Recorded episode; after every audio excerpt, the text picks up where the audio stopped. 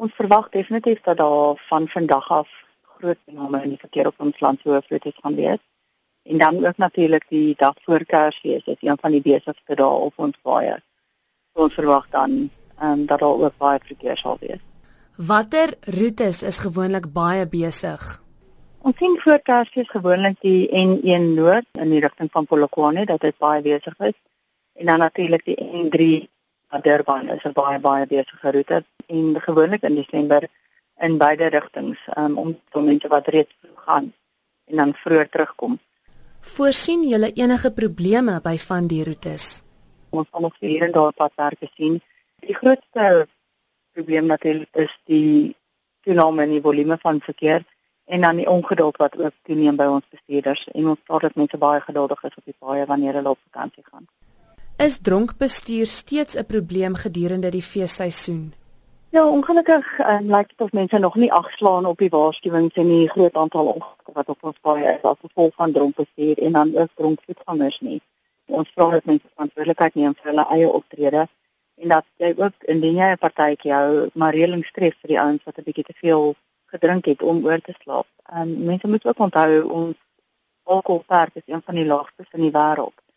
So indien jy 2 biere in 2 ure drink, is jy oor ons perk.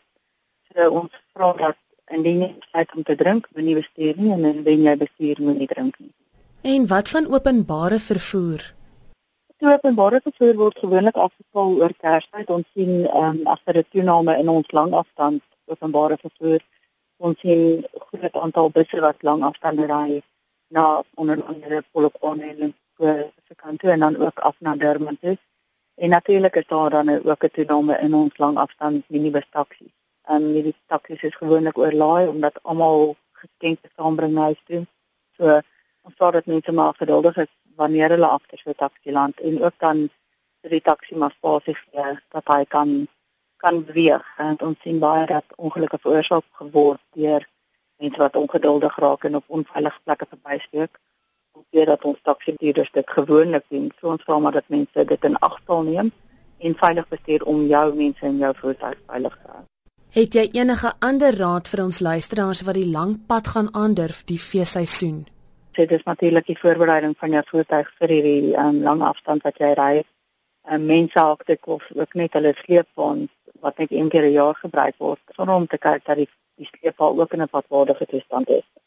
So ons wil vra dat mense maar kyk na die toestand van hulle bande, die toestand van die bande op die sleepband en karavane.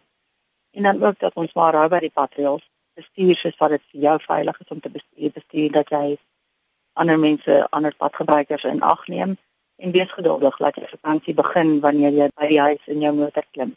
Moenie eers dat jy vakansie begin wanneer jy gejaag het om by jou bestemming uit te kom nie. Ontspan en geniet die rit. Ons het 'n mooi landskap jou om te sien op pad. Ook.